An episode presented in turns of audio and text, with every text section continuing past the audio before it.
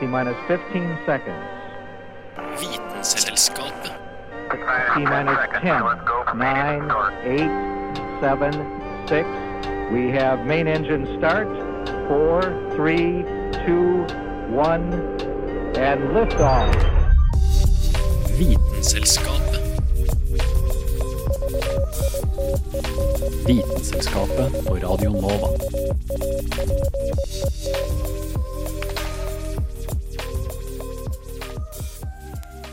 Ofte får man ikke høre når man er ung og i starten av arbeidslivet at det er viktig å knytte kontakter? Noen bruker det litt vel kvalmende ordet networking, du vet, der du går og mingler og småsnakker om ting som egentlig er sykt uinteressant, og litt for mye om deg sjøl, bare for å bli kjent med folk. Personlig klarer jeg ikke å gjøre dette, for jeg vil heller dø, men vi bruker tross alt nettverk på andre måter også, og du gjetta rett, denne sendinga skal handle om nettverk. Vi skal få høre om hvordan hjernens nettverk funker, til hvordan det viktigste nettverket, internettet, funker, og vi skal lære om et litt mer ukjent nettverk innenfor mat. Og dette er litt av det du får den neste halvtimen her på Radio Nova, og mitt navn er Ida Katrine Vassbotn, og du hører på Vitenselskapet.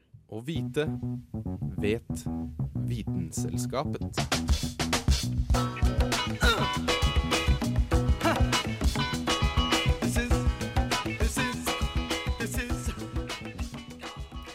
Mens jeg står her og vifter med armene, som dere sikkert ikke ser, så sender hjernen min ut signaler om akkurat det, som dere sikkert vet. Den har en stor jobb, men den består faktisk kun av 2% av kroppsvekta di, men er ekstremt dyr i drift.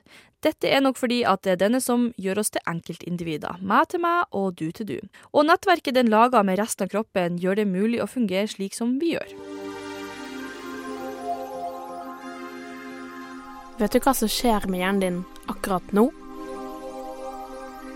Vet du hva som skjer med hjernen din når du ser en film? Vet du hva som skjer med hjernen din når du går, eller tar på noe, eller spiser noe, eller lukter noe? Vel, det som skjer, er enkelt og greit at hjernen din mottar signaler fra forskjellige deler av kroppen din. Enten fra øynene dine når du ser, eller hånden din når du tar på noe. Men det som er fantastisk med nettopp hjernen, er jo at den ikke bare får disse signalene, men også prosesserer det, sånn at du får en oppfatning og opplevelse over hva som skjer rundt deg. Bare ta synet, eksempel. Det øyet mottar, er jo bare lys i forskjellige bølgelengder. Når disse bølgene treffer netthinnen, som består av sansecellene tapper og staver, blir det omdannet til elektriske signaler. Og disse blir transportert via synsnerven din, som går opp til synsområdet i hjernebarken, som er bakerst på hodet ditt. Og her skjer det prosesseringer som gjør at du oppfatter et bilde med masse forskjellige farger, former og dybde. Og dette fra bare noen enkle lysbølger. Det er ganske kult, synes jeg, da, at et organ kan omdanne et enkelt signal til en hel opplevelse.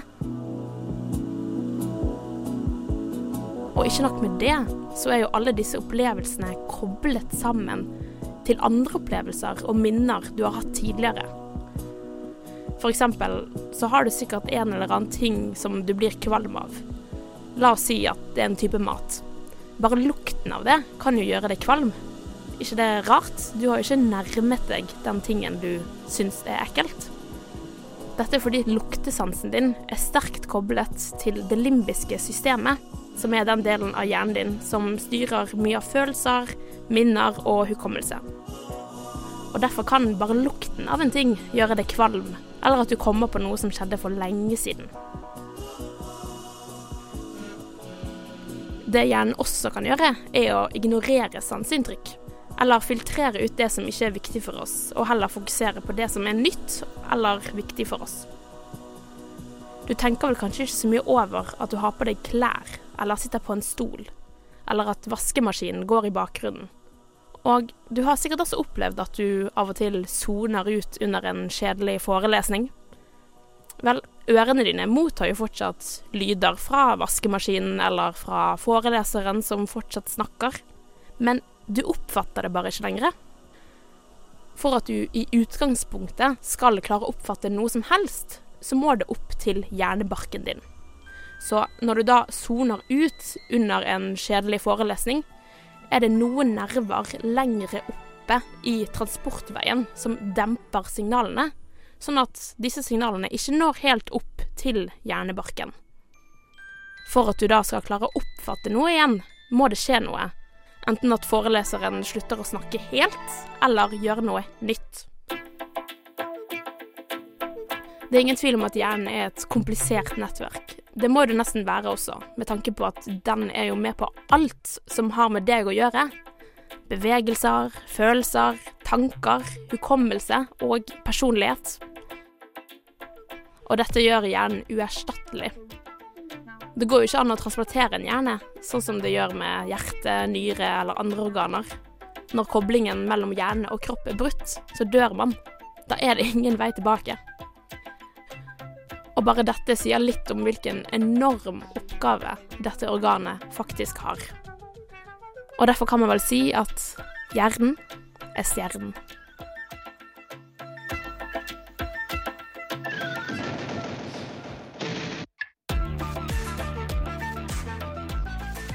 Denne saken ble laga av Anna Vik Røseth. Vitenselskapet. Vitenselskap. Vitenselskapet. Vitenselskapet. Vitenselskapet. Internettet har gått fra å være et lite mysterium til en selvsagthet som vi bruker hver eneste dag, til alt mulig. Og vi skal ikke stikke under en stol at vi alle sammen er avhengig på en eller annen måte. Men har du noen gang tenkt på hva som egentlig skjer i kulissene?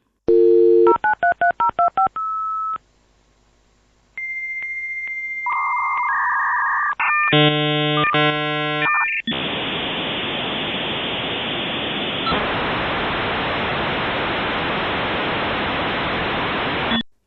du husker denne lyden eller ikke, er det i hvert fall ingen tvil om at du i dag bruker internett til alt mulig. Fra å spille musikk og se filmer, til å gjøre lekser, eller til og med finne deg en kjæreste. Men har du noen gang tenkt på hvordan internettet faktisk fungerer? I motsetning til hva mange tror, er ikke internettet svevende bølger i skyene, men fysiske servere og ledninger under jorda. Hvor langt unna deg disse serverne befinner seg, påvirker hvor lang tid det tar for deg å laste ned en nettside. Hvis du nå lurer på hva en server er, kan du se på det som en blanding mellom et postkontor og et bibliotek. Altså en datamaskin full av informasjon som blir sendt til deg når du trenger det, eller ber om det. Store nettsider slik som Facebook og YouTube har flere servere rundt om i verden. Dette gjør at man raskt og enkelt kan bruke disse nettsidene nesten hvor som helst i verden. Når du f.eks. skal se på en video på YouTube, sender PC-en din en forespørsel til YouTube sine servere om å få tilgang til den.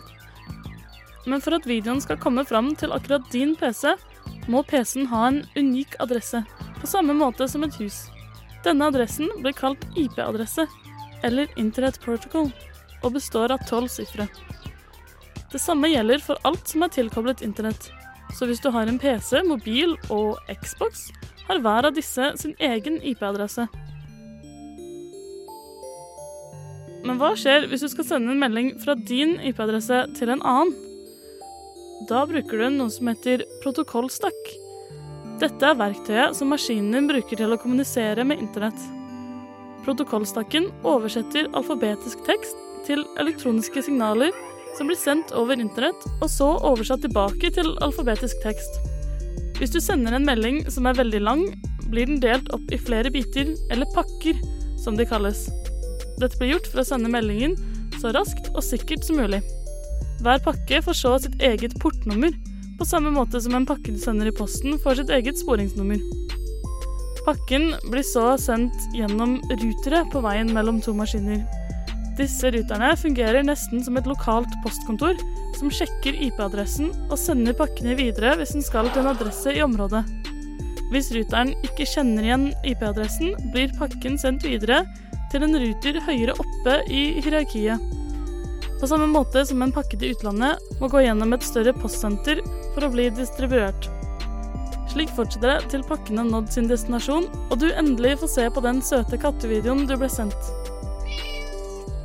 Dette er så klart en veldig forenkelt forklaring på hvordan internettet fungerer, så hvis du er interessert i å få en mer grundig forklaring, kan du jo bare søke det opp på internett.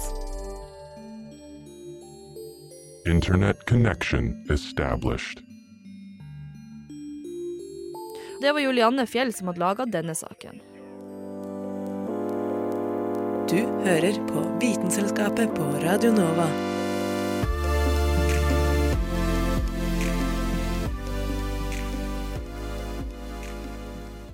Breaking news! Et hemmelig nettverk står bak favorittmaten din.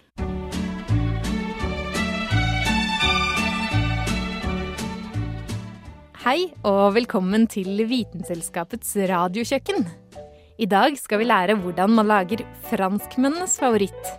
Vi skal nemlig se hvordan man baker deilig, luftig og lyst brød.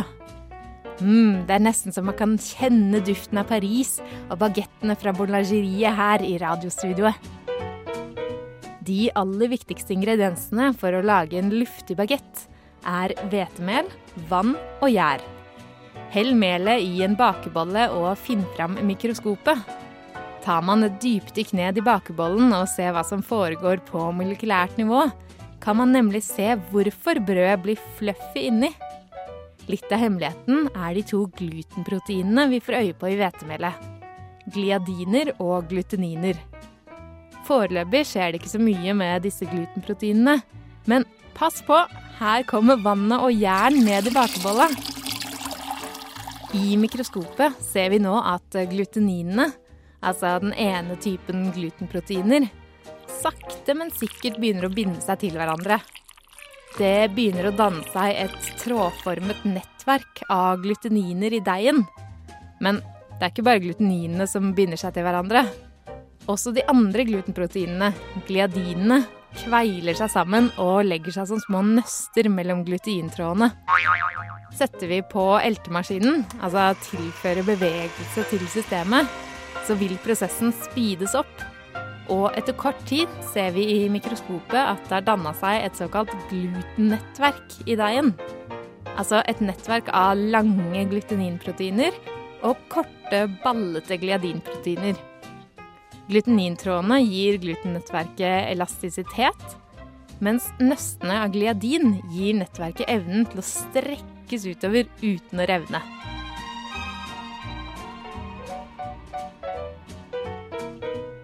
Men dere har vel ikke glemt jern vi putta i sammen med vannet? Når jern traff melet i bakebollen, begynte nemlig de små soppene å spise på stivelsen i melet. Eller rettere sagt spise jern på sukker, som er dannet av stivelsen fra melet. En prosess som bare blir mulig ved hjelp av enzymet amylase. Et biprodukt av jerns spising er karbondioksidgass, som da er en slags gjærpromp, om du vil. Når deigen er elta og glutennettverket på plass, fanges karbondioksiden som dannes fra jern, inni deigen. Gassen slipper ikke ut av deigen, men pga. glutennettverket så utvides deigveggene, og det dannes små gasslommer gjennom hele brødet. Nå som deigen er heva, så former vi den til en bagettform og inn i ovnen med den. Under stekinga brytes glutenproteinene i deigen ned og slipper vannet. Glutennettverket, altså skjelettet inni bagetten, det stivner, mens vannet som slippes, tas opp av stivelsen i melet, og stivelsen forklistres, altså danner innsida av det ferdige brødet. Åh, det lukter så herlig her inne i studio. Nå skal i hvert fall jeg ta meg en bit varmt, deilig og hvitt loffestoff.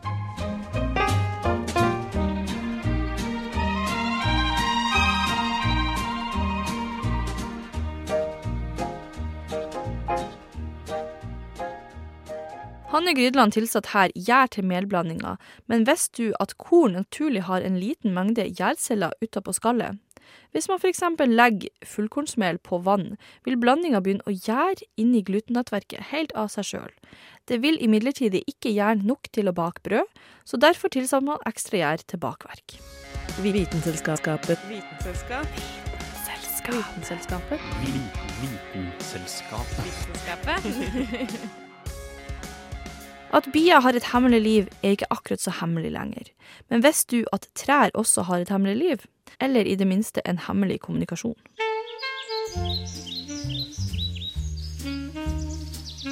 Tenk deg at du står midt inni en skog. Vind som rasler forsiktig i bladene over deg, tett med trestammer rundt deg, og under føttene dine mykt gress. Du står der og nyter denne berømte skogens ro. Tror du? For det du ikke vet, er at rett under føttene dine foregår det en hektisk kommunikasjon. Så la oss se nærmere på det som befinner seg rett under foten din. Gress, ja, men under der Jord, røtter fra trærne rundt og et intrikat, intrikat system av sopptråder som forbinder skogen sammen i et nettverk. Trær har nemlig sitt eget internett, og du tråkker på det hver gang du går tur i skogen. Dette internettet kalles mykorrhiza og består som nevnt av sopptråder eller mycelium. Disse trådene kan spre seg ut over et stort område, og én en enkelt sopp kan faktisk dekke flere kvadratkilometer. Som enhver gigantisk nerd vil fortelle deg, den største levende organismen på jorda er ikke en blåhval, men en sopp. I tillegg til å strekke seg langt, kan disse trådene ligge så tett i tett at det kan være hundrevis av kilometer med tråder under ditt ene fotavtrykk. Det vi ser og tenker på som sopp, er faktisk en liten brøkdel av soppen, nemlig dens reproduktive organ. Så hvis du syns at det er ekkelt å kalle et egg for hønemens, kan du jo begynne å tenke på f.eks. sjampinjong som sopppenis. Vel, nok om det, og tilbake til hvordan dette nettverket fungerer. Det som skjer, er at sopptrådene vikler seg sammen med røttene til trærne og starter et symbiotisk forhold. Soppen hjelper trærne med å ta opp mer vann og næringsstoffer, som f.eks. nitrogen, og trærne sender mat tilbake til soppen i form av karbon. I tillegg gjør soppen at treets immunforsvar blir bedre. Så sopp pluss tre er tydeligvis lik sant. Men det interessante her er at andre trær kan koble seg opp til den samme soppen, eller internettet om du vil, og dermed kan trærne bruke sopptrådene til å sende ting til andre trær i det samme systemet. Trærne bruker dette aktivt eh, til å f.eks. amme sine små babytrær. For at yngre trær skal ha større sjanse for å overleve, kan nemlig modertreet sende karbon og andre næringsstoffer med soppekspressen, og på den måten hjelpe det lille treet til å vokse seg stort i en tøff skogshverdag. Nettverket kobler ikke bare sammen trær av samme art, men også andre trær. En skog består med andre ord ikke bare av individuelle trær, men er et eget samfunn av ulike planter og trær. Som i samfunn ellers er det viktig at medlemmene kan kommunisere. Å sende matpakker til hverandre er én ting, men forskere har også funnet ut at planter kan bruke nettet til å snakke sammen og advare hverandre. I et kinesisk eksperiment i 2010 brukte forskerne tomatplanter for å bevise dette. De satte to og to tomatplanter sammen og lot noen av disse parene koble seg sammen via soppsystemet. Så spraya de ett av bladene på den ene planta med en plantesykdom, og pakka planta inn i plast, slik at de var sikre på at plantene ikke snakka med hverandre over bakken. Etter 65 timer hadde den ene tomatplanta rukket å bli skikkelig syk og fæl, og det var på tide å smitte den andre. Og det var da tegnene på kommunikasjon ble tydelige. De friske plantene var mye mer motstandsdyktige enn de første, nesten som de hadde blitt advart om hva som holdt på å skje, og dermed hadde rukket å sette i gang et forsvar. Men alt er ikke bare fryd og gammen i skogen. Akkurat som i vårt samfunn finnes det også slemme aktører som bruker soppnettet til sine egne skumle hensikter. Noen planter er rett og slett tyver de kobler seg på nettet og suger ut næringsstoffene som strømmer gjennom soppstråene, mat som egentlig skulle til andre planter. Andre saboterer for sine naboer ved å sende ut skadelige kjemikalier, litt som et internettvirus. De vil ikke konkurrere med andre planter om vannet eller sollyset, så de sørger på denne måten for at det kan bli vanskeligere for andre arter å etablere seg i området, og at naboene får problemer med å vokse seg så store som de ellers ville. En skog er med andre ord ikke så enkel som den kan virke ved første øyekast. Så neste gang du går deg en tur, kan du tenke på at rett under føttene dine foregår det en voldsom kommunikasjon mellom venneplanter, skurkeaktige blomster og mamma og tre barn. Dette Skogens internett blir selvfølgelig kalt Wood Wide Web, og hun som har laga denne saken, blir kalt Kristin Grydland. Ti år, ti år uten å bli avslørt. Og jeg hadde kommet unna med det også. Jeg hadde kommet unna med alt! Om det ikke hadde vært for disse brysomme snusene. Kristian, du kan ikke tro på dette!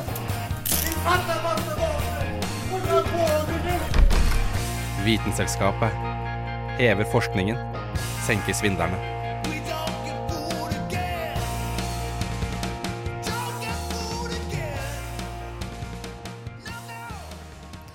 Vi mennesker er knytta sammen i sosiale nettverk. Gjennom digitale plattformer som f.eks. Facebook knytter vi mange kontakter på tvers av landegrenser. Men gir egentlig sosiale medier oss flere venner? Verdens ledende professor på tema sosiale nettverk, Robin Dunbar, har lenge forsket på menneskers sosiale nettverk. Dunbar er kjent for å ha kommet opp med et spesifikt nummer på antall venner et menneske kan ha i sitt sosiale nettverk, også kjent som Dunbars nummer. Det er den grensen på antall mennesker du kan ha meningsfulle relasjoner med på en gang. Dunbar beskriver dette som mennesker du ikke vil føle det pinlig å drikke en drink med dersom du tilfeldigvis møter dem på en bar. De vet hvem du er og hvordan du passer inn i deres sosiale verden, og du vet hvem de er og hvordan de passer inn i din sosiale verden.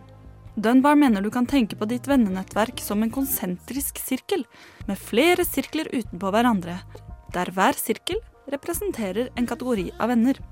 I midten, i sentrum, er de fem nærmeste vennene dine. De intime vennene.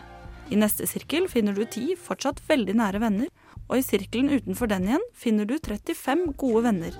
Og til slutt en sirkel med venner som ikke regnes for å være veldig nære. Alt til sammen summeres opp til 150. Dunbars nummer. Grunnen til denne grensen i antall venner ligger gjemt i hjernen din, ifølge Dunbar. Antall venner du har, knyttes til størrelsen av en spesifikk del av hjernen.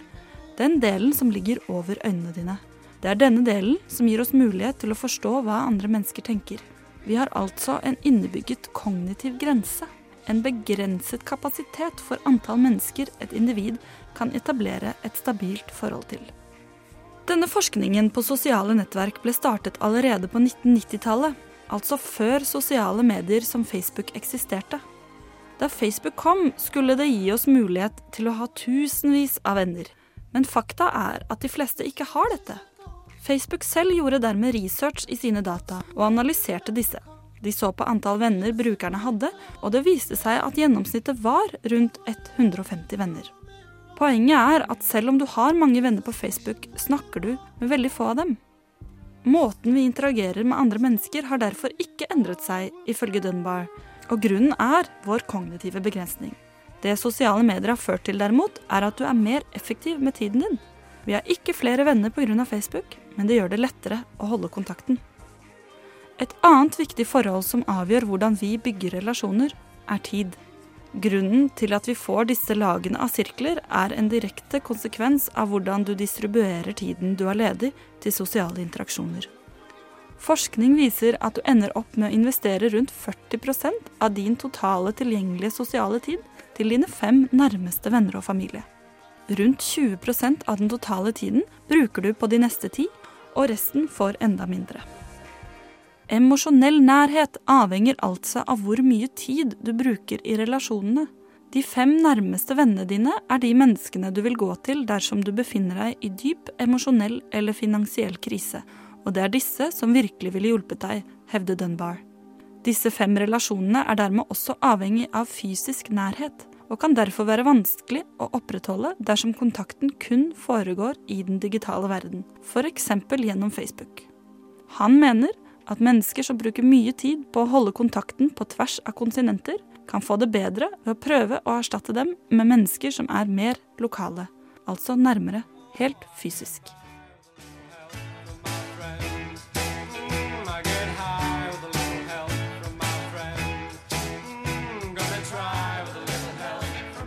Vi mennesker har altså i gjennomsnittet fem helt nære relasjoner, som vi bruker aller mest tid på. Forskninga viser også at dersom vi inngår et nytt romantisk forhold, vil du investere så mye tid i denne relasjonen at det sannsynligvis vil koste deg et vennskap. Og hun som kom med denne ikke så veldig gode nyheten, heter Birgit Sky. Oslo 2 igjen, Oslo 2. Dette er Vitenselskapet. Radio November, Oskar, Viktor, Alfa. Einar Gerhardsen, Gerhardsen, landsfaderen. Vi vil oss et samfunn, som han sikkert kunne ha sagt, men vi er ikke alene om å ha et samfunn. Vår nærmeste slektning vil gjerne ha et ord med i laget på den fronten. Langt inne i jungelen, blant eksotiske trær og rare frukter, bor det en gjeng hengslete hårdotter. De lever i små samfunn, bygd opp av familier og forskjellige grupper. Ikke ulikt den gode gamle norske landsbygda. Heller ikke så ulikt den norske landsbygda er måten de oppfører seg på. De ler, de plukker mat, de inntar fermenterte produkter, og de slåss. Og forholdsvis ofte parer de seg med søsknene sine. Hm, nei da, de gjør det faktisk veldig sjelden inni jungelen der. Men fra spøk til alvor så lever de på et vis som ligner vårt eget. Kanskje det kan fortelle oss litt om både oss selv og dem? For sjimpanser er livet bestående av mer enn for de fleste andre vanlige dyra. Selv om mat, kjød og død har forrang også i deres liv.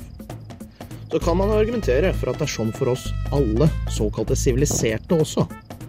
Men uansett, et samfunn med statushierarki, interesseorganisasjoner, ledere og undersåtter.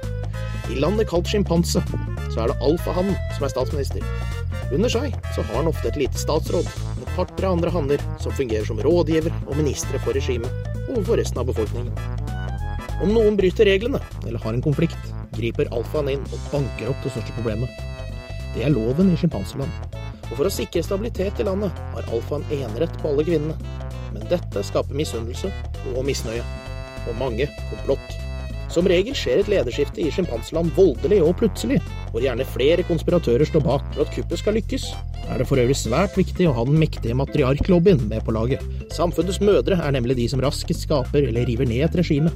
Er de misfornøyd med sine rasjoner, eller annen behandling de får fra statsminister Alfa, er veien kort for å mane til opprør. Hele greia minner litt om en bananrepublikk, egentlig. Bananrepublikk! Forholdene mellom de ulike sjimpanselandene er spent. Selv om de flytter på seg hver dag, er de svært så vaktsomme overfor skogholtet de okkuperer akkurat den lille stunden de er der. Selv om de flytter på seg hver dag, er de svært så vaktsomme over skogholtet de okkuperer akkurat den lille stunden de er der. Derfor blir det ofte kriger, og disse er både blodige og voldsomme. Forholdene er ganske voldsomme og velkjente. Men som oss, så har også sjimpansenes land forskjeller. For oss dvergsjimpansen er historien en ganske så annen. Aperikets hippier, om du vil. Disse lever i et litt mindre land, men her er det ingen statsminister. Her er det kollektivt styre, med de eldste mødrene som holder orden når det trengs. Her er det heller ikke så stor inndeling i grupper innad i selve samfunnet. Vi har faktisk ingen familieinndeling i det hele tatt. Men hvordan har de fått til en slik sosialistisk drøm? De jokker på hverandre. Nesten hele tiden. Hanner på hunder, hanner på hanner, hunder på hunder og hanner på trær. Er du irritert over for lite mat? Da har vi sex sammen. Er du sint på Bongo fordi han tok pinnen din? Ha sex med han. Dette stresser dem ned, knytter bånd og gjør at konflikter som ville vært så voldsomme hos de andre sjimpansene, blir under radaren og løses fredelig. Men fedrene har ingen rettigheter da, dessverre. Men problemet når alle jokker på alle, er at ingen vet hvem som er faren når hundene fra tid til annen føder et nytt medlem. Men det eliminerer jo også problemet til de andre sjimpansene, at alfaen hadde monopol på damene, med den seksuelle frustrasjonen det skapte. Så vi har et fredelig, egalitært samfunn med en utagerende vulgær kultur, og et hierarkisk, ustabilt puritansk regime som preges av konflikter og krig. Det høres ikke helt ukjent ut, det her, men hvor ville du levd? Jeg veit iallfall hvem jeg slenger meg med. Og han som laga den saken, heter Dag Løvold Magnussen.